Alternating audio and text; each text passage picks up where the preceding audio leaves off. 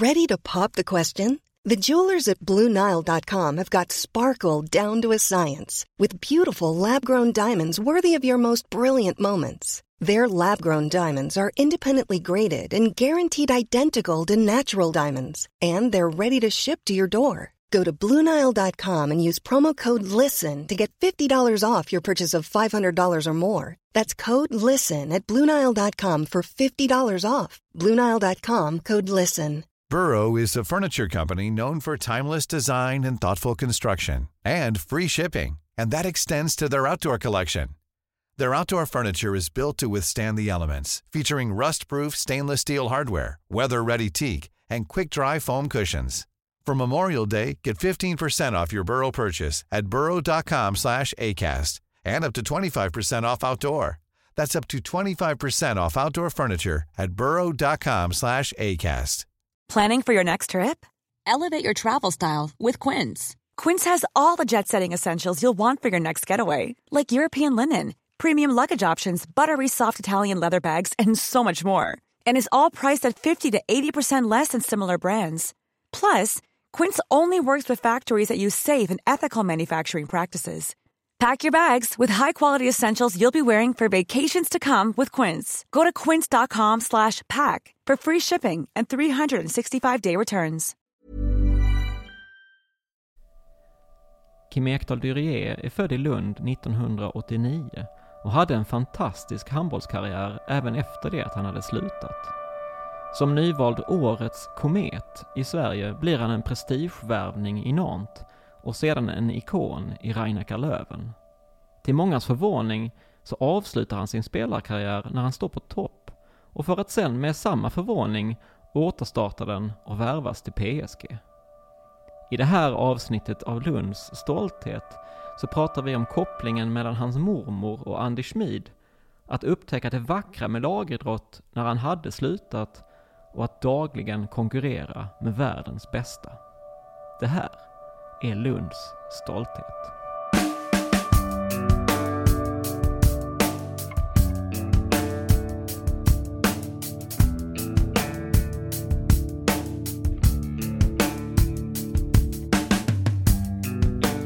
Men först ska vi ta reda på om han verkligen är född i Lund. Enligt mitt pass så är jag född i Lund, vilket alltid... um ja, det är lite... Eller, jag blir överraskad ibland när jag tittar i passet fortfarande för att mina föräldrar påstår att jag är född på Ystad BB tror jag. För att eh, de var där i någon sommarstuga under eh, sommaren 1989 i julen när jag föddes. Och därför så borde det egentligen inte stå Lund i passet tycker jag. Men eh, ja, det är så det. Okej, så du är född i Ystad helt enkelt? Ja, tyvärr är jag ju det. Vi börjar redan redigera.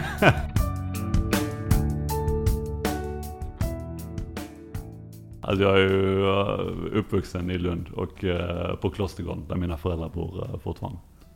Och sen är det lite lustigt för att mamma och pappa separerade när jag var fem.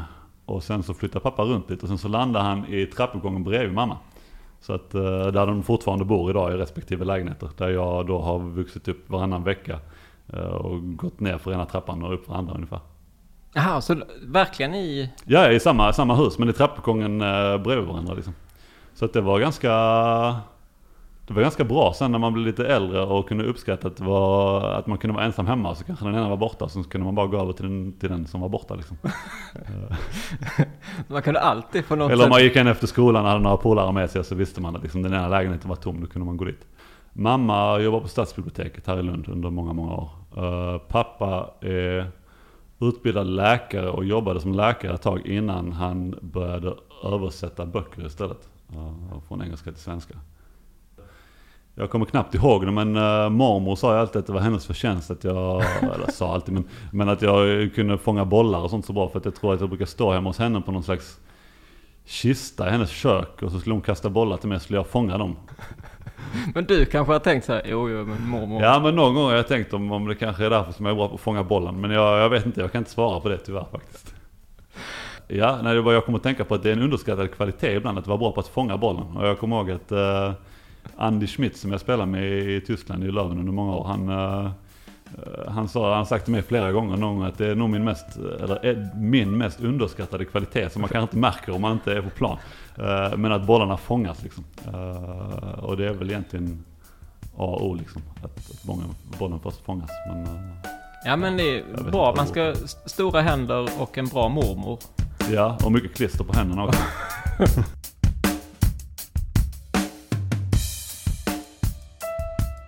Ja, eh, jag tror väl att för oss allra flesta så, i alla fall inbillade vi oss ju att vi var ett av de bästa ungdomslagen som någonsin funnits. det är väl svårt att kanske mäta sådär, men, men det var... eh, eh, det var jävligt roligt. Alltså vi, dels så tror jag väl att vi kom bra överens allihopa, men det tänker jag att det gör man gör väl de flesta i ungdomsåldern när man eh, ja, håller på med sport tillsammans. Men eh, det gick ju väldigt bra för oss. Uh, framförallt när vi var, ja men, jag vet inte, mellan 12 och 15 eller något sånt.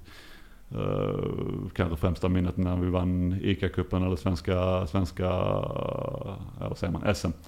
I Lund när vi var 14 tror jag. Eh, men annars så brukar det väl vara, det känns som att uh, vi hade alltid två lag som kom till semifinal, både i Lundaspelen och Partille och ja, vad det nu var. Uh, så att det var väl kanske inte så många sen som fortsatte upp i vuxen ålder. Men uh, det var ju Anton Månsson också bland annat.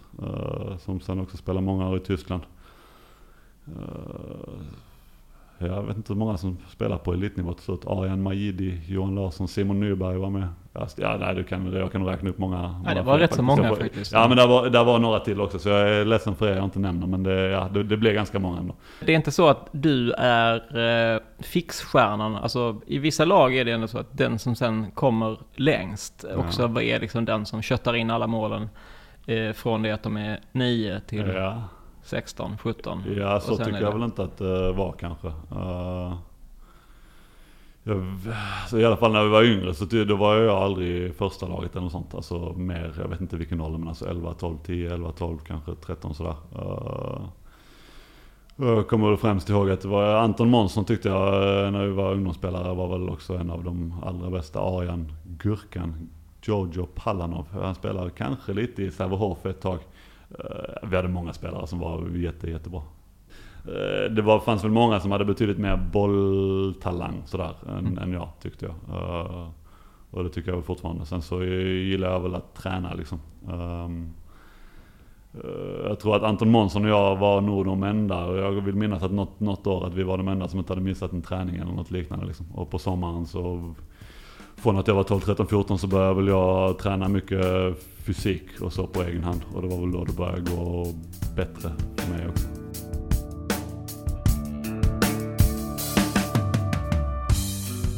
Eh, För det finns ju de som säger, eller man pratar ju ibland om talang och man Ja. pratar om så här.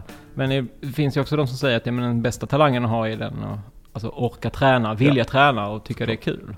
Ja, och det inser väl jag också nu efter att ha med på, varit med på så många, eller varit med under så många år på, på allra högsta nivå. Att, att också skillnaden mellan de som är liksom, ja, typ bäst och de som är allra, allra bäst. Det känns väl som att det är vissa av de som är topp, topp, topp-klungan liksom. Att, att, eh, jag ska inte säga att de är besatta, men just att ha motivationen att, att drivas varje dag, hela tiden och aldrig bli mätt liksom är något som, som jag själv tänker ibland, fan hade man haft det då hade du kunnat gå riktigt långt liksom. Men det är väl, det är väl någonting som är, det är svårt att skapa bara sådär tror jag. Och, det känns nästan som att det är någon liten slags skada nästan. Vissa man känner att de kan vara så extremt drivna. Det, det är fascinerande. Jag vet inte fortfarande om jag ska klassa in det som att jag tycker att det är något mer positivt eller något negativt. Om jag verkligen hade velat vara så själv eller inte. För att det verkar vara väldigt ansträngande också.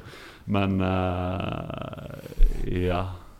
Men uh, lite av det hade du uppenbarligen. Ja, det får man väl, ja jo, med facit i hand så kan jag väl tänka mig det. Sen så mm, kommer man väl alltid in i nya, man jämför sig med, med de som är lite över och sen så kommer man in i någon slags ny jämförelsegrupp. Sen jämför man sig med dem och så inser man att eh, sådär. Men okej, jämfört med, med de flesta andra kanske som jag har spelat med, det är väl därför det har gått så bra för mig också. Så är det väl att jag ändå har pushat vidare och, och tränat liksom. Så man inser till slut att det är det det, det handlar om, det mesta. Vad, eh, men du säger att ni var duktiga och eh, eventuellt de bästa, eh, det bästa Eventuellt. pojklaget. Eventuellt. Jo, det sa jag eventuellt. Det bästa pojklaget någonsin. Eh, ja, ja, men eventuellt det bästa pojklaget någonsin. Eh, nej men, och, och, men som du säger, ni, ni har två lag och båda går till semifinal ibland och liksom... ja, vi hade det- nog tre eller fyra lag också de flesta var... Ja. Ja. Eh, men eh, någonstans där, eh, eh, att vinna pojklags men ni spelar Partille Cup och ni spelar, eh, åker på utlandsresor och eh, det är liksom hela, hela faderullan Ja. vad det gäller ja, sånt där. Ja. Jag tänker, eh, för någonstans, när är det du sen hamnar i A-laget? 16 var jag tror jag. Så att jag har lite luddiga minnen av den perioden som är mellan att vi vinner SM när vi är 14 och sen så framåt. För att jag tror att jag var liksom, jag, uh, jag kommer inte ihåg riktigt liksom eh, när, när flyttarna skedde upp och ner i A-lag och andra lag och så vidare. Liksom. Uh, men 16 och ett halvt vill jag mig minnas att jag var när jag spelade min första match med A-laget. Mot H43 i ett Lunda-derby. I februari eller sånt tror jag. Det är ganska ungt ändå.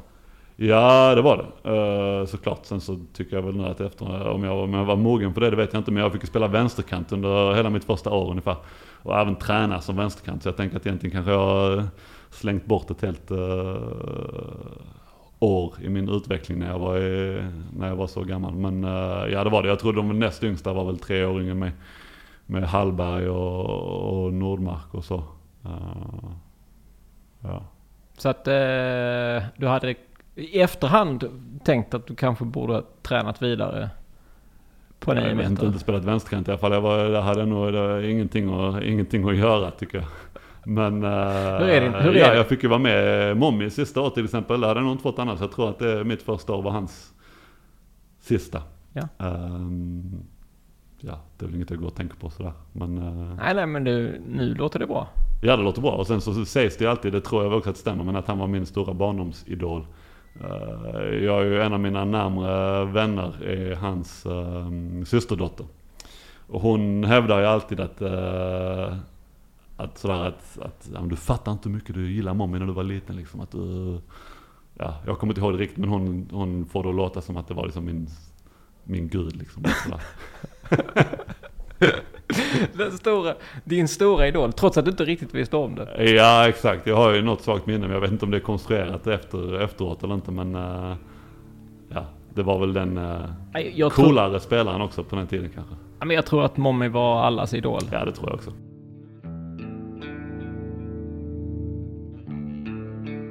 Ja, någon har sagt det till mig någon gång så här, det är väl aldrig något jag har tänkt om mig själv egentligen att jag skulle vara någon slags pådrivare. Men det gör väl kanske mer att jag tycker det, det har jag väl insett att det som jag tycker är gött med handboll är att uh, göra någonting tillsammans liksom. Och när man känner att det är någon slags lagkänsla och kamratskap och så vidare. Och för mig personligen att det är väl den delen som är viktigast med det. Och att jag känner att jag har mycket roligare också om jag försöker bara skapa någon slags känsla av gemenskap. Eh, uh, dels med mitt eget lag men även med alla som är på, på plan liksom. Ja, sen, nu tänker jag att nu känner du ju väldigt, väldigt, väldigt många av dem du spelar mot och med. Ja, och det är alltså- väl det också som jag känt att det blir roligare, eller blev roligare och roligare under tiden jag spelar. Och verkligen jag känner det fortfarande så att, att det är väl den, delen som gör att det är svårare och svårare att komma ifrån ibland. Um, men att det som är det riktiga värdet för mig när man verkligen känner att, uh, inte bara i det egna laget, att det är ens vänner utan även i motståndarlaget och jag vet inte, domarna och folket runt omkring och att alla liksom eh, efter att ha spenderat ändå så många år i den, i den världen, att man liksom växer ihop vare sig man vill eller ej. Eh, och det, ja, det är en nice känsla. Framförallt i början kändes det väldigt coolt att vara med i Lugis A-lag liksom, när man var 16 och gick på gymnasiet fortfarande. Och överhuvudtaget, eh, jag kommer ihåg första matchen att vi fick springa där och vara med på uppvärmningen och, och sådana grejer liksom. Att fan det var, det var fett liksom. Eh, den känslan försvann väl kanske ganska snabbt men ehm, väldigt få minnen alltså. Jag, jag vet inte, det känns som att, uh, ja, spontant, jag kommer ihåg att vi, det blev aldrig några större framgångar tyvärr. Uh, och för mig personligen så kände jag alltid att det var väldigt kul med handboll på hösten tror jag. Sen så efter vintern när, när ljuset börjar komma tillbaka mer och mer så blir man mer uh, sugen på att göra annat än att, än att spela liksom. Uh, jag tror inte att det var därför som det alltid gick sämre under slutspelen. Men, men det känns som att när det börjar närma sig slutet så ville man liksom också att då ville man sluta slut någonstans. Vilket kanske inte är den bästa egenskapen för en idrottsman. Att ju närmare det kommer slutet desto mer vill man bara liksom uh, Sluta. förlora matcherna och, och åka på semester. Uh, ja, och det är väl kanske något som jag har känt att jag har haft lite under andra delar av min karriär också sådär att nej men Ja, liksom går det bra är det bra. Då får man vara med längre och spela. Det är ju kul att vinna, det är väl det allra roligaste. Men ja, går det inte bra liksom så kan man liksom packa väskan och göra något annat. Och det är också härligt liksom. Så att, uh... men, Men- om det är det enda minnet jag har kvar av den tiden, jag vet inte. Det. Det är den där uppvärmningen. ja, uppvärmning och känslan att man ville att säsongen skulle ta slut så man kunde ha semester. Nej, jag, det fanns lite annat också. Men uh, ja. Funderade du på, alltså jag tänkte när du tog studenten, eh, funderade du på att, ja men det var gött, eh, nu ska jag läsa eh, eh, lite strökurser på universitetet och eh, sen ska jag bli jurist. Uh, Kanske inte just jurist, men Nej, jag skulle... nej, eh, nej, jag hade väl inga, inga tankar på... Alltså, det kändes som att när jag tänker tillbaka på den tiden så var det ja, en väldigt lycklig tid. För att eh, det fanns inga större framtidsplaner överhuvudtaget. Utan det kändes som att det var ett väldigt... Ja men så när man är ett barn liksom. Eh, och bara är.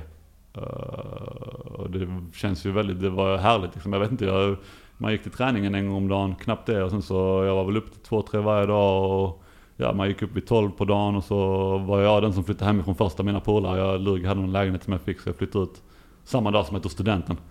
Uh, Ja. Egentligen en vecka innan men mamma ville att jag skulle bo hemma tills jag tog studenten. Så att uh, lägenheten var redan inredd när jag gick ifrån student, mitt studentfirande till studentfesten på, på Tängan. Sen så gick jag till, gick jag till min nya lägenhet efter. Men i alla fall, uh, nej så jag hade, ingen, jag hade ingen, inga framtidstankar sådär utan det var gött att bara vara liksom. Mm. Ja, alltså varken med handboll eller med plugga eller någonting annat liksom. det var, därför, var det bara därför jag funderade på om Ja. det var så att, ja men så, nu, nu, nu blir det bra med detta, nu ska jag göra någonting annat. Tack för allt. Ja, jag tror väl det är någon slags grundläggande personlighetsdrag hos mig också att det är, Ja, det finns alltid en viss del av tvivel.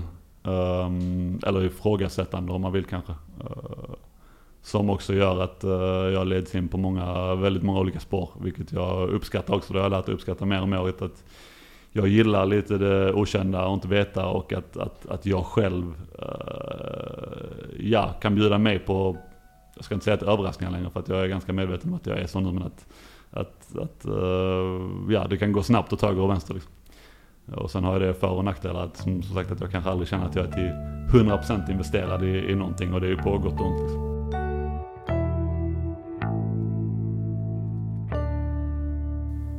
Men eh, du vinner skytteligan vill jag minnas då eh, 2000, eh, nej? Det inte vad jag, det har jag nog aldrig varit Eh, nej, förlåt, du Det har aldrig blir... varit i närheten. Nej, utan du vinner eh, årets talang menar Jaha, jag. årets komet. Årets komet, Ja, ja, förlåt. ja, du det vinner årets ihåg. komet eh, Ja. 2010 där, 10-11 va? Ja, 11, Elva. tror jag. Jag har ett svagt minne av att jag tar emot priset och säger att jag tyckte att det var... Ja, tack så mycket men det var några år för sent eller något liknande.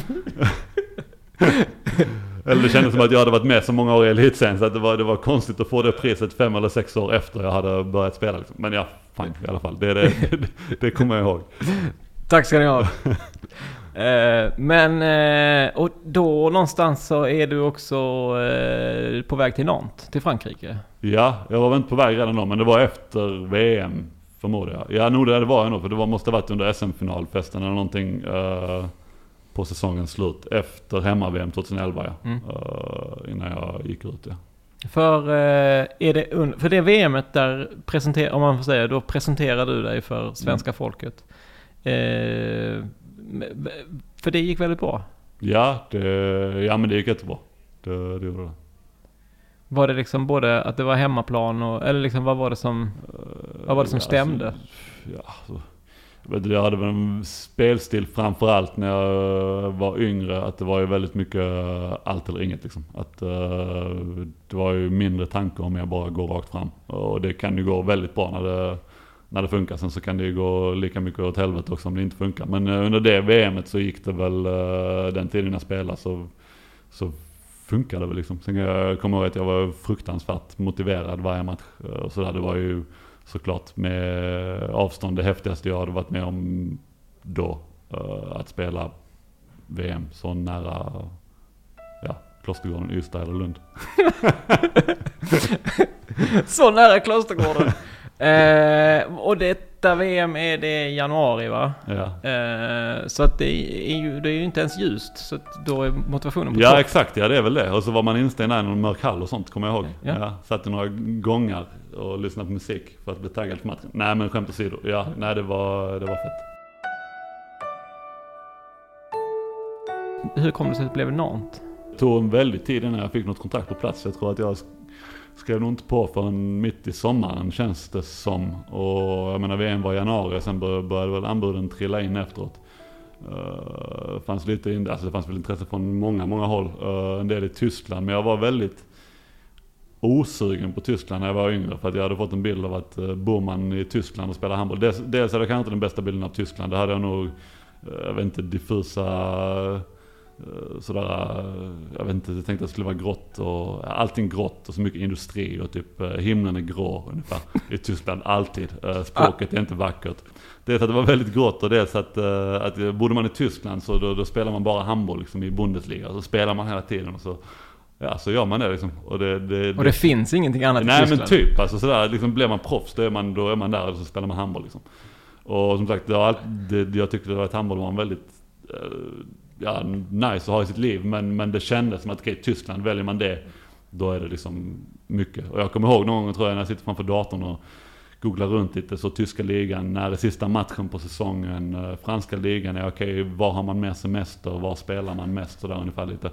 Uh, ja, och som sagt, det här var väl uppförstorat i mitt huvud. Men, men, men Tyskland var inget, rent spontant efteråt var det så här, nej men Tyskland, alla de anbuden var jag inte speciellt intresserad av. Och det kändes som att det var många lag i Tyskland också som kommer från lite småstäder eller hålor på uh, tyska vischan liksom, när man, man är där och spelar handboll liksom. Uh, ja, så det var jag inte så sugen på. Så de anbuden la- lades på is. Och sen... Uh, jag kommer, ja, ja, sen blev det, ja någon kände som att det var, jag vet faktiskt inte, intressant. Nice stad, projekt på uppåtgående och ja.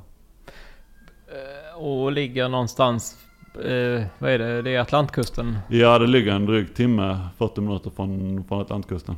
Uh, och som sagt, jag menar jag var, jag var he- heller inte helt innan de anbuden började trilla in så var jag väl inte helt sådär inställd på att bli handbollsproffs heller egentligen. Klart att jag hade tänkt någon att ah, man skulle kunna tjäna lite mer pengar. Skulle man flytta till Danmark tänkte jag det kanske blev sådär bekvämt och eh, nästan som hemma och så tjäna lite mer och så. Men, men sen när det väl började liksom bli påtagligt, komma närmare efter VM och sånt så det var fortfarande ingen självklarhet för mig att jag, att jag skulle göra det liksom. Uh, jag tror i slutändan så tänkte jag väl lite, nej men säg att jag skriver på ett tvåårskontrakt någonstans och tänker man, ja okej men är livet skit så har jag i alla fall kanske lagt undan lite pengar och kan köpa en halv lägenhet när jag kommer tillbaka och sånt. Tänkte jag väl att var, var tanken. Men det var ju mindre liksom handbollstänk bakom att typ, oh, vilket lag ska jag gå till för att eh, kunna utvecklas och bli en bättre handbollsspelare och var kanske det finns en tränare som tror på mig och var finns det, utan det var mer andra, jag tror den handbollsbiten var mer att, jag vet inte, man skriver på sen så blir det som det blir liksom. Eh, så det var mer ett, någon slags livsbeslut och sen typ bara blunda och testa. Hur var Nant eh, då, 2011? Ja, de var inte vad de var idag. Um, de, jag tror det var deras fjärde år eller sånt kanske i första ligan. De hade precis kvalificerat sig för Europacupen för första gången. De hade kommit fyra eller femma året innan. Uh, stort handbollsintresse. De hade redan då bäst publiksnitt i alla fall i Frankrike på drygt fyra, fyra och fem. Uh, så det var ju nice. Men exakt, det var väldigt få Uh, där var väl klart också några andra utländska spelare men jag var väl, jag var väl deras prestigevärvning även också genom, genom tiderna. Eh, uh, så där tror jag att uh, jag skulle vara den bäst betalda spelaren någonsin har haft i klubben och så vidare. Klart det var ett lag som kom från, från andra ligan bara några år tidigare och, och att det blev någon slags halv dragkamp på mig efter, efter VM sådär. Så att, um, ja. Det, det var på väg uppåt men det var inte som det var nu. Nej men för nu, nu är de ju ändå ett etablerat topplag. Ja, det är imponerande också med den utvecklingen. Att verkligen på inom loppet av drygt 10 år nästan ha spelat i andra ligan till att spela Final Four i Champions League och så vidare. Det, det är väldigt imponerande. Är det någon som har en egen blåsorkester som står vid eh, kortsidan? Yes. Ja. Vad har du? Ja. Har du något svagt minne av att du har kollat på någon Nej, match? nej, jag kollar på flera matcher när någon Okej. spelar. Ja, ja, men absolut. det, det har nästan jag glömt bort. Men det kommer Ja. jag ihåg, några av mina polare som var där och kollade. Och jag var ju väldigt uh, konfunderad i början också att det står en hel orkester bakom ena målet och, och, och spelar. Ja, det är ju skitroligt. ja det är skitfett ja. Ja. Det är inte störigt? Nej, det, jag, jag tycker... Jag kommer väl ihåg i början att allting var väl nytt för mig som, jag vet inte, ung svensk som kommit till Frankrike och spelat liksom sådär att hallkultur och, och, och så vidare, annorlunda. Eh, och folket skriker andra grejer och uh, ja, blåsorkester som står bakom hallen. Men det var ju väldigt, det kändes väldigt jag vet inte, exotiskt på något sätt tror jag i början nu när du säger det. Jag hade glömt bort den här detaljen. Men eh, ja, och alla, alla som kom dit av mina polare och så här, uppmärksammade ju den här blåsorkestern. Att det var uh, märkligt liksom. Ja, fast det är kanske mer för oss som inte är vana att, att liksom, där är det ett överraskningsmoment av typ så, vad fan gör den här blåsorkestern bakom målet liksom. Så man blir lycklig bara man, man kommer in där och så märker man, man, man kan liksom inte förstå vad det är som händer riktigt. Och det, ja det, det blir man glad av någonstans. Fanns eh, ett intresse från Löven tidigare. Men ja, för det först var jag inte så jätteintresserad. Men sen så, dels jag var den här tysklingen, jag var inte jätteintresserad. Men sen så när det ändå kom ett eh, etablerat, etablerat topplag, ska jag inte säga, de var väl ganska nya Löven också. Men, ett- men ett storsatsande lag och ett av Tysklands topplag. Eh, och dels även med, med betydligt bättre kontrakt också. Eh, så tänkte jag, ja men det kanske skulle vara intressant liksom. Och det, det, jag hade ju aldrig egentligen väntat mig att ett topp topplag skulle vara intresserade av mig uh, i den åldern. Eller kanske överhuvudtaget liksom. Uh, men de lyckades inte lösa, vi, vi var i diskussioner innan jag gick till Nantes. Men de, eh, de, de hade ekonomiska problem efter uh, deras, ja, lång historia, men i alla fall de, de skulle få bort några spelare på min position och så vidare. Uh, som jag gick och väntade på ganska länge. Men de lyckades inte fixa det. Uh, ja, så det slutade med att jag gick till, till Nantes med en option på att kunna gå till, till Löven eh, istället. Och i Löven så blir du ju där eh, under ganska lång tid. Ja. Alltså du är liksom nästan förknippad med Reinhard Löven under, ja, Ja, det får man väl säga det är väl för mig också den, den, den mest präglande delen av min karriär och det känns väl som att nästan eh, är min karriär. Eh, klart att det blev väl ändå en tre år i andra klubbar också. Men eh, ja, jag menar den största delen av mitt vuxna liv egentligen har jag också levt i Tyskland, i Heidelberg och spelat i, i Löven. Liksom. Så att det är ju en stor del av min personliga historia, eh, både handboll och utanför hur förvånad blev du när du kom till Heidelberg och insåg att det är ganska vackert, en universitetsstad? Ja. Och det fanns en himmel som inte Ja det var fanns blå. det, den var blå också. Men jag kommer ihåg att första gången jag var där och skulle gå på läkarundersökning och så när man körde in från motorvägen. Jag kommer ihåg att allting var grått och att det var dåligt väder och det var någon kall månad också. Eh, Och så när man kör in i en stad, men det är väl få städer som kanske som är charmiga när man kör in i dem. Men jag kommer ihåg att i början så var det inte, jag kommer ihåg sjukhuset, det kändes som en grå betongbyggnad och så körde man dit och så pratade läkaren tyska och så här liksom. Eh, men... eh, Det var bara check, check, check, check. Okej. Men ja, nej, efteråt, ja, ja det, det var ju inte alls som jag hade trott. Heidelberg är ju grönt, grönskande med blå himmel och, och vackra kullar och, och skogar och, och blommor och sånt. De gångerna jag haft en Lonely Planet-bok till exempel, Tyskland Lonely Planet i, mina, mina händer så är väl Heidelberg alltid någon slags topp 10 att åka till. Att det är mycket, eh, kommer ju bussla, eh, buss, busslaster med, med turister som går i Gamla stan och upp till slottet och sådär. Att det är väldigt, väldigt bildskönt liksom. Det är väl också en av, jag ska inte säga en av få, men ändå en, en av en tysk stad som inte blev sönderbombad under andra världskriget. Att Heidelberg blev helt skonat med en väldigt intakt gammal uh, stadskärna. Du trivs rätt bra där. Ja, jag trivdes fruktansvärt bra i, i Heidelberg. Och ja, jag menar det är ju ett ställe som jag var när jag flyttade där från fyra år sedan. Det är ju inte så länge sedan men jag är ju där varje år under ja, några veckors tid skulle jag vilja säga. Det är väl Ja, du är det. eh, Ja men det har ändå varit att det har varit ett av sådär, dela upp, inte dela upp tiden helt mellan Heidelberg och Sverige men, men ändå att eh, Ja, jag skulle nog säga att jag har spenderat lika mycket tid där faktiskt ändå som jag har gjort i Lund, om inte mer, sen jag flyttade därifrån. Jag bara funderar på, jag tänker att i Lund så kan du röra dig fritt, eh, om man säger, på, på gatorna. Eh, och där är säkert handbollsmänniskor som känner igen dig. Ja. Eh, men hur är det i Heidelberg? Det är också inga, inga problem.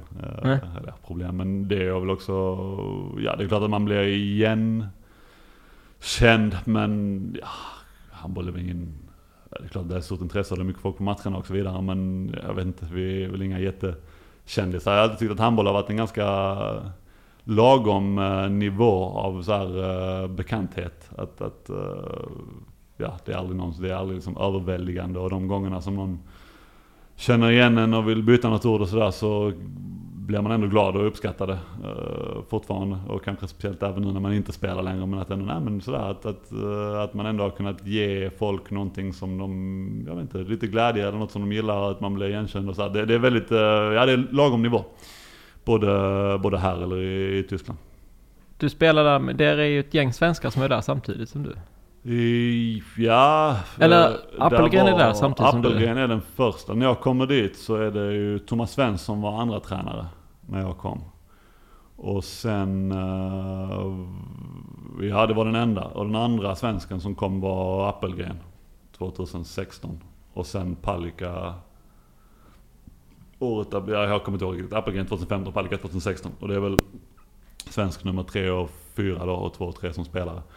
Eh, och jag kommer ihåg, jag var ju väldigt nöjd att inte ha några svenskar när jag kom dit. Och det var jag även ganska nöjd med i Nantes. Att jag tyckte det var, jag vet inte, en av, eh, ja sådär charmen också lite med att vara utomlands. Att, eh, att, att, ja, att inte ha några landsmän att kunna prata svenska med. Och, och, och sådär att det känns som det är lätt hänt i alla fall inom handbollen. De andra folk kommer någonstans sen så börjar de hänga automatiskt. Och som att det känns som att det skulle finnas något eh, outtalat tryck att man då ska hänga med den andra svensken eller de andra svenskarna. Ja, det är så i många lag. Men att de, de trivs väldigt bra ihop så att det är väl därför de gör det tänker jag. Men att jag var väldigt nöjd alltid att det inte fanns några andra svenskar. Eh, men sen när Äpplet kom så Såklart det är en av mina bästa vänner idag så att det var ju skitnice och även med Palicka funkade skitbra när han kom åt efter. Så att det, det var lugnt. Men idag är det ju halva laget eh, som är svenskar i stort sett. Så det har ju genomgått någon slags eh, grundläggande förändring sen bara ja, när jag kom dit. Ja just det, och Jerry Tolbring, eh,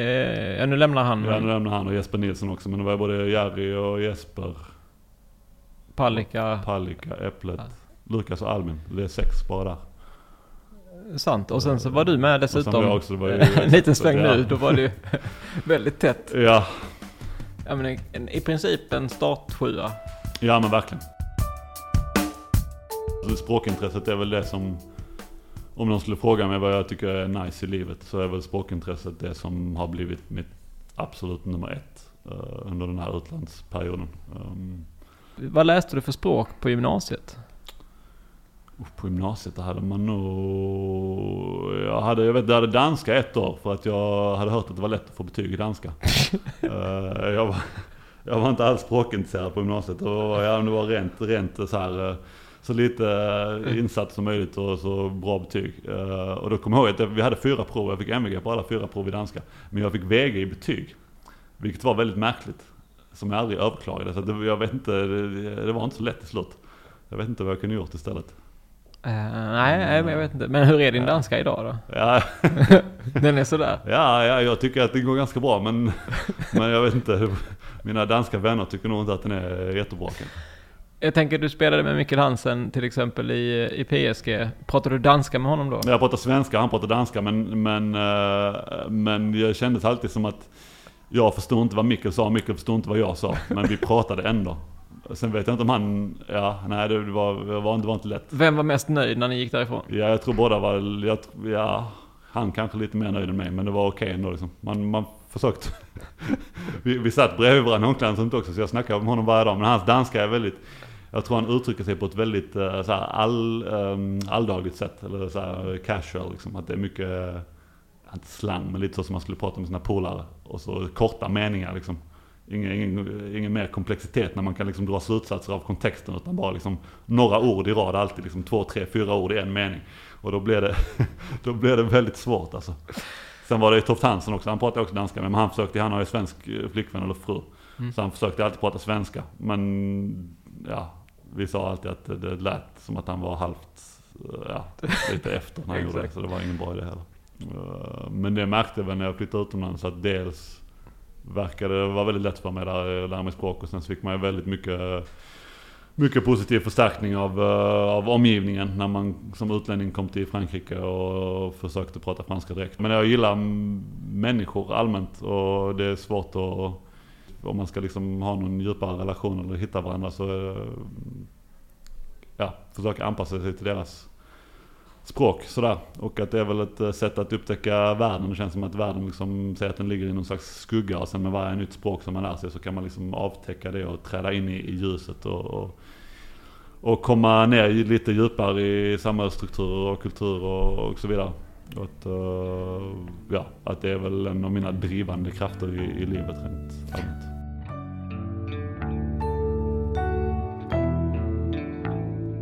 Du flyttar ifrån eh, Reinhard Löven, Ja, slutar. ja. Hur lång paus har du där? Ett år. Alltså jag hade nio månader, sen kom jag tillbaka till Löven. En Just vända, tre månader. Och sen så, och sen så till PSG. Så Var det ett sån här lojalitetsgrej när du kom tillbaka eller vad var anledningen? Ja, lite grann. Eh, det var väl många faktorer såklart. Men jag menar, jag kände väl en väldig tillhörighet med inte bara laget men med ja, regionen eller allting runt omkring egentligen. Eh, men framförallt så hade de ju väldigt mycket skadebekymmer.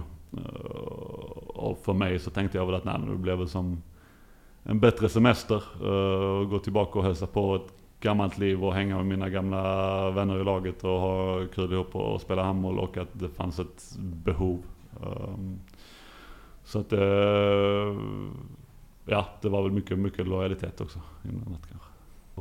För mig var det ju första gången i mitt liv som jag inte ja, hade någonting eller sådär. Att Annars var det alltid skola och sen så var det alltid handboll liksom. Aldrig, inte någon paus från, från någonting sådär liksom. Så att det var lite distans. Eh. Och jag hittade väl mer någon slags, vad heter det? Någon slags eh, mening i, uh, i handbollen mer när jag inte var med. Att, eller i sport överhuvudtaget. Som innan jag tänkte kanske ja, man springer här och kastar en boll varje dag. Sen så gör man det liksom, och sen så ser man vem som vinner och sen så gör vi allting igen liksom. Uh, hela tiden. Uh, Eh, men, men just att, eh, att det är liksom det, det rena i idrott sådär. Och med, med känslor och med människor. Att man ger mycket glädje liksom. Det, och det är blandat med även den här gemenskapen som vi pratade om innan med, med handbollen och handbollsvärlden och alla runt omkring. Att det fick ett helt annat värde när jag var utan det. Det fanns alltid två klubbar som att nej, då- skulle jag nog tänka en gång till och det var PSG och, och Barcelona. Att, nej, men skulle jag få chansen där så ja, då hade jag nog ändå fått, fått hoppa på det liksom. Och då kom frågan helt enkelt. Ja, exakt. Vilket, eh, vilket ju för mig egentligen när jag tänker på det, inte sinnessjukt men, men nära. Eh, Ett lag som PSG som är ju bland de största och nu kanske lite, lite mindre men ändå liksom topp tre i, i världen i alla fall vad det som gäller ambitioner och, och budget och så vidare som egentligen halvt eh, väljer vem de vill ha liksom. Eh, att man då eh, att man då ska ha en kille som inte, alltså som har slutat spela handboll för att han tycker det är för jävla tråkigt liksom. Det, det, ja det, det känner jag att det var är väl en nice story liksom. Men det, det, det börjar ju med att jag var i Löven och hälsade på, jag tror det var i november, december till och med tidigt. Eh, och så var jag och kollade på en match, Löven mot Varda Skopje i Champions League. Och efter matchen så står jag på läktaren och så kommer Skopjes tränare Raul då som uh, sen blev tränare i PSG. Han går över, han ser att jag sitter på läktaren och så kommer han gåendes över hela, hela planen till mig på andra sidan. Och så ja, så, hallå liksom hur är läget och ja sådär vad, vad gör du nu typ sådär. Liksom, men, ja, han visste väl att jag hade slutat liksom men jag bara ja men du vet jag ja, slutat liksom. Så han bara ja men uh, han bara jag ska bli tränare i PSG liksom. Uh, och jag är skitintresserad av det typ. Uh, Hör av dig. Ja men ungefär liksom. Uh, jag tänkte men jag har liksom, alltså vet, vet han inte ens att, eller det vet han ju men alltså att jag har eh, dumpat det här liksom. Jag är inte intresserad. Uh, och han ska ta över PSG och egentligen liksom kan välja vem som helst. Men att han kommer till mig och bara, nej men jag gillar det skitmycket liksom. Så att, sådär. Och efter det så var vi väl lite kontakt. Jag snackade med, med Åke, Åke Unger som var, är min agent. Eh, och så här om vi skulle i alla fall kolla, lä kolla läget liksom. Eh, även om jag var väl min, ändå inte så sugen men, eh, nej, men sådär PSG, nej, men vi, vi, vi så här, kolla liksom. Och då inleddes det någon slags kontakt som var väl fortlöpande december, januari, februari men ändå. Det är en lång, lång väg från att ha kontakt och vara lite i dialog med någon. Det är väl många som är det. Men till att det verkligen blir någonting av det. Och det var frågan, ska Narciss sluta eller inte sluta? Som då en av de här franska legendarerna som var i PSG. Och, Ja det skulle han göra sen. Och sen visade det sig att Raoul ville ha mig men, men som sagt det var ju svårt att rättfärdiga det. Uh, i och med att det inte är han som tar det beslutet för PSG. Att visst han är tränare och sådär, jag vill ha den spelaren men den här killen spelar inte ens handboll liksom. Så att, uh, kan du välja någon som spelar? Här? Ja, det, det, är lite svårt att få igenom det. Och det visste jag väl också när jag kom tillbaka till Löven att okej, okay, det, det, finns en möjlighet att okej, okay, om jag inte spelar så blir det inget PSG. Men det hade jag väl sagt fine liksom, om de vill ha mig så vill de ha mig annars så ja. Men, och det var väl också en, så jag kom tillbaka till, till Löven och började spela och det gick ju skitbra. Um, och då fick ju Raoul som försökte då få igenom det här, uh, sin deal med PSGs uh, eh, styrelse liksom, uh, lite mer, mer argument. Och jag, jag vet att Bruno Martini som var president för, för PSG när jag kom och den som var ansvarig för alla värvningar. Han, han sa till mig sen att han hade fått, efter varje match jag hade spelat med Löven när jag kom tillbaka, så hade Raoul, hade, tror jag på en timme efter matchen var slut, så hade han klippt ner en video på alla mina bra grejer under matchen. Alla mål, alla assist, allting som var bra. Eh, och skickade den till Brunn på WhatsApp. Eh, direkt liksom sådär, kolla, kolla den här spelaren. Typ liksom bara eh, så att jag, jag var ju väldigt, som sagt det, det, är väl så det är i, ja, i handbollen, jag vet inte om det är i annan sport, jag förmodar det, men att, att, att ha, det är ju mycket tillfälligheter och sen mycket att man har någon, ja några eller kanske också i vissa fall bara en som tror på en och gillar en. Som för mig i detta fallet att okej, okay, Raul blir tränare i PSG och han ja, uppskattar mig som spelare och verkligen kämpar för att jag skulle komma dit. Eh, och hade det inte varit för honom så hade det inte blivit en fortsättning för mig överhuvudtaget, tänker jag efter, efter den comebacken i, i Löven. Men att just en person på rätt ställe, eh, ja, planeterna står i någon slags linje. Ja, de måste ha stått helt rätt ja, också. När man har perspektiv till saker och ting, som ja. du uppenbarligen hade fått. Så hur, hur var känslan? Och du visste ju att ja, men nu ska jag vara här i två år. Ja, alltså exakt. PSG var ju för mig också hela ja, det är alla, det är ju flera aspekter än handbollen som var viktigt. Vi, vi, alltid var viktigt vid mina klubblag som och PSG var väl någon slags, uh, allting uh, var med.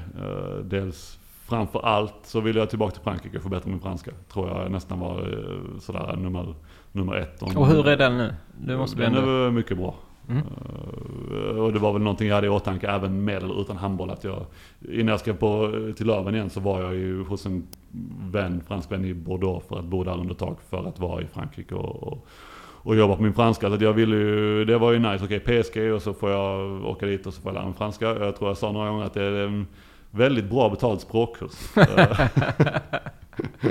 uh, och sen såklart att, att det är väldigt smickrande ja, vare sig man har gjort ett break eller inte, men ännu mer smickrande för mig som inte ens, ja, som hade slutat egentligen. Att bli värvad till ett lag där det är ja, genomgående liksom toppspelare och några av världens bästa genom tiderna egentligen. Uh, Eh, att, att, eh, att okej, okay, Löven var också ett eh, topp 10-lag detta av, alla, men att komma till det yttersta, yttersta toppskicket liksom. och, få vara med och och se hur det är. Så att handbollsmässigt såklart också. Och sen få bo i Paris. Som jag kanske inte var någon jättestörre fan av innan jag flyttade dit. Men, men som jag gillar jätte, jättemycket nu. Så att det var många faktorer som gjorde det väldigt lockande. Och sen gick det väl, handbollsmässigt gick det ju inte så som jag kanske hade hoppats att det skulle göra. Jag hade ju hela första halvåret, eh, var inte skadad genomgående men det var väldigt mycket eh, skadeproblem till och från. Och som ny tränare och nytt tänk framförallt. Eh, så man kände att okej, okay, innan hade jag spelat med samma spelare i 5-6 år. Och när jag insåg och slogs igen av hur extremt kollektivt handboll eller lagidrott är. Att en spelare kan vara bäst i världen i ena laget men sen i andra laget att det är, det är mycket som ska stämma. Mm. Och det stämde där verkligen med, varken med spelet som jag hade svårt att anpassa mig till och sen som att jag var skadad hela tiden och såklart att jag visste att jag kom till ett lag. Det, det hade jag ju signat upp för när jag skrev på att att på min position, eller på vänster nio, mitt nio, så var det Mikkel Hansen som är väl världens bästa vänsternio genom tiderna. Eh, och så Karabatic som är världens bästa spelare genom tiderna.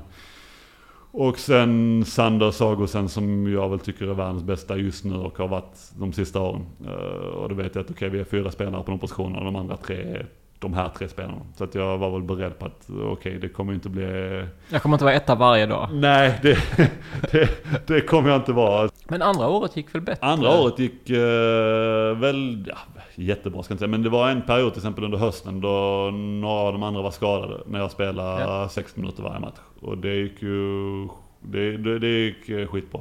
Och då var det ju handbollsmässigt hade det varit sådär kul också året innan också. Känna att man liksom Dels också när man kommer ny till ett lag, man känner ingen, så man har ingen social funktion um, i laget. Och sen när man vet att man har ingen sportslig funktion heller egentligen. Uh, hur mycket lättare det är att, att uh, ja, i, grupper allmänt med ett lag, att de som uh, är de bättre, det är mycket lättare att integrera sig socialt och så vidare. Och, det är klart att det gick ändå, men det var in emellan när man vet man går där, man känner knappt någon och sen så är man skadad och sen så, ja, folk skiter egentligen i om du är skadad eller inte för att vi har Karabatic, Mikkel och Sander liksom. Så om du är här eller inte, ja, whatever. Mm.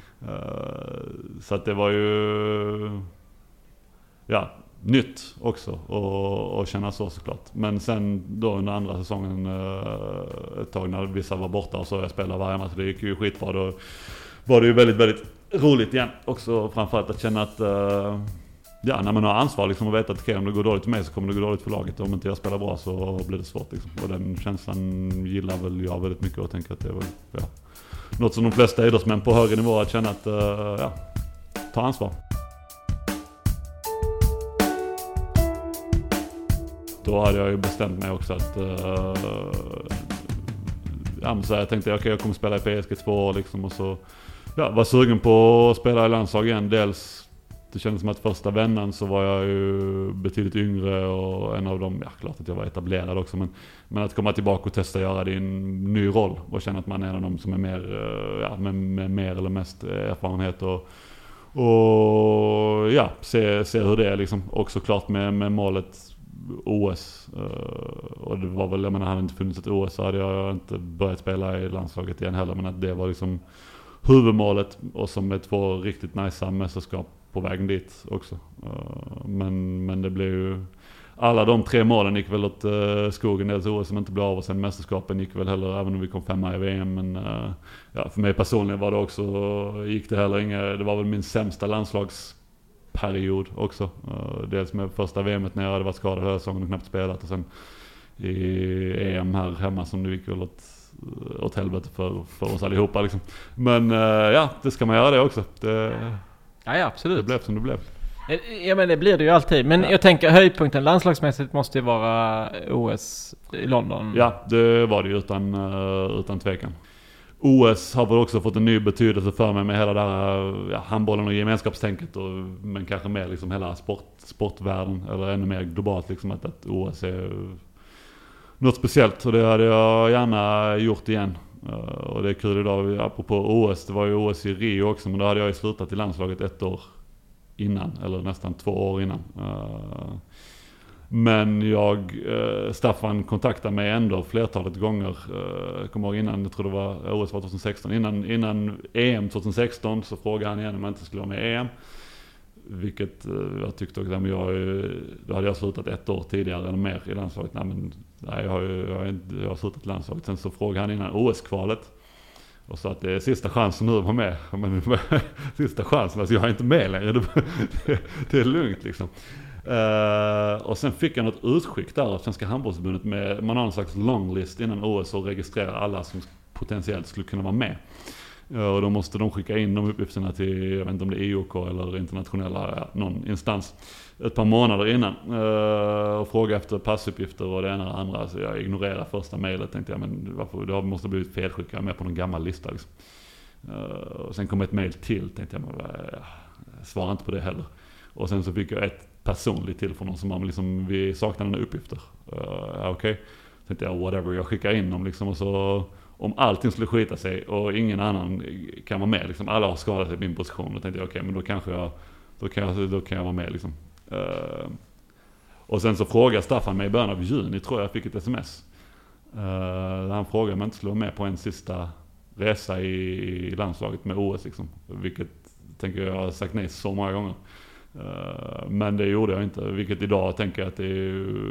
ja, inte helt sinnessjukt. Men att, sådär, att jag spelat OS bara sådär, det hade jag ju aldrig tackat nej till nu. Eh, och sen apropå tränare som tror på en och så vidare. Jag menar eh, den rollen som Staffan och Ola kanske haft i min karriär. Jag har tur med Raoul och PSG men även tidigare när jag var yngre. Att, att ha någon som från då när jag, 2008, 2009, 2010 när de började bli tränare. Att, sådär, att, att, att, att de alltid trodde på mig och alltid lät mig vara med liksom. Jag vet till och med när jag var 20 eller någonting. Jag kommer ihåg någon gång när jag tackade nej till någon landslagssamling. Eh, jag kommer ihåg att jag sa till Staffan att jag eh, det har varit en lång säsong och jag behövde ha ledigt och sådär liksom. Eh, jag tror jag var 19, 20 kanske. Vilket ju är... Ja, jag, jag, kan tänka mig att många i den åldern som skulle göra något sånt skulle nog aldrig få chansen igen liksom. Eh, men han, de lät ändå mig vara med direkt på nästa samling igen. Liksom. Och att, eh, det insåg jag väl för ett tag sedan och även nu när jag tänker på det att det ja, att de trodde på mig hela vägen liksom. Uh, att, uh, jag menar, jag hade inte varit det så hade jag aldrig varit med i ett VM här och sen så, och så vidare liksom. Att det, det är mycket som ska stämma liksom.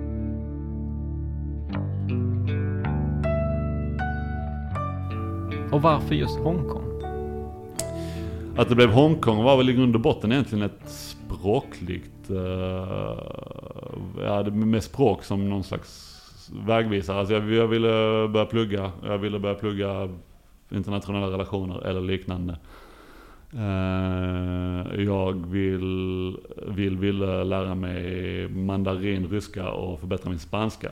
Och att det blev liksom Hongkong blev någon slags lösning på allt. När, uh, Ja, när jag kan börja plugga direkt. De har bra universitet. De hade ett program som intresserade mig väldigt mycket. Plugget är på engelska. Um, ja, uh, sen nu blir det väl mer kantonesiska än mandarin. Men uh, båda två. Där, I alla fall någonstans där det finns ett par extra språk. Eh, va, för du har en examen i psykologi? Ja, exakt det har jag. Det gjorde jag i Tyskland 2014 till 2017 när jag slutar med handbollen så blir jag klar med, med den också. Ja. Eh, eh, och pluggade i Heidelberg eller i Lund? I eller? Heidelberg.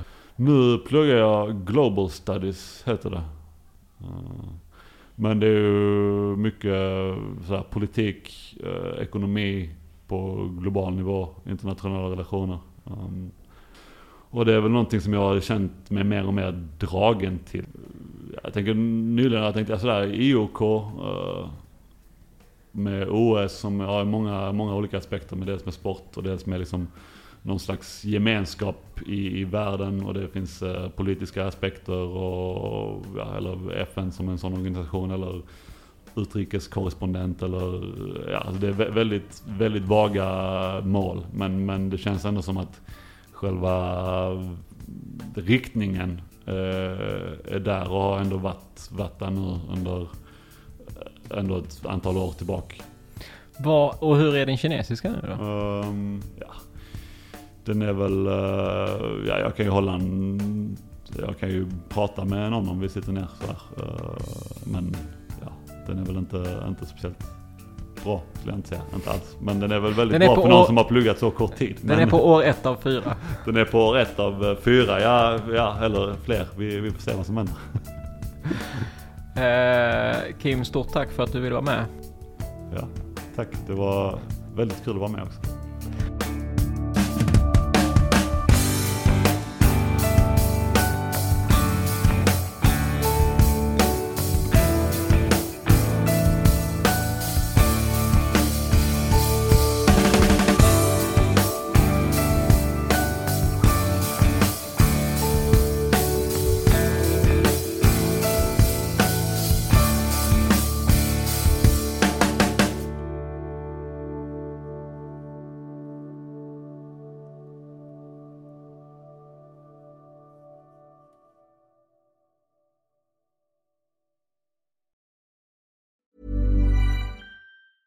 Mom deserves the best, and there's no better place to shop for Mother's Day than Whole Foods Market. They're your destination for unbeatable savings, from premium gifts to show-stopping flowers and irresistible desserts. Start by saving 33% with Prime on all body care and candles. Then get a 15-stem bunch of tulips for just $9.99 each with Prime. Round out Mom's menu with festive rosé, irresistible berry chantilly cake, and more special treats. Come celebrate Mother's Day at Whole Foods Market. Planning for your next trip? Elevate your travel style with Quince. Quince has all the jet setting essentials you'll want for your next getaway, like European linen, premium luggage options, buttery soft Italian leather bags, and so much more. And it's all priced at 50 to 80% less than similar brands. Plus, Quince only works with factories that use safe and ethical manufacturing practices. Pack your bags with high-quality essentials you'll be wearing for vacations to come with Quince. Go to quince.com slash trip for free shipping and 365-day returns.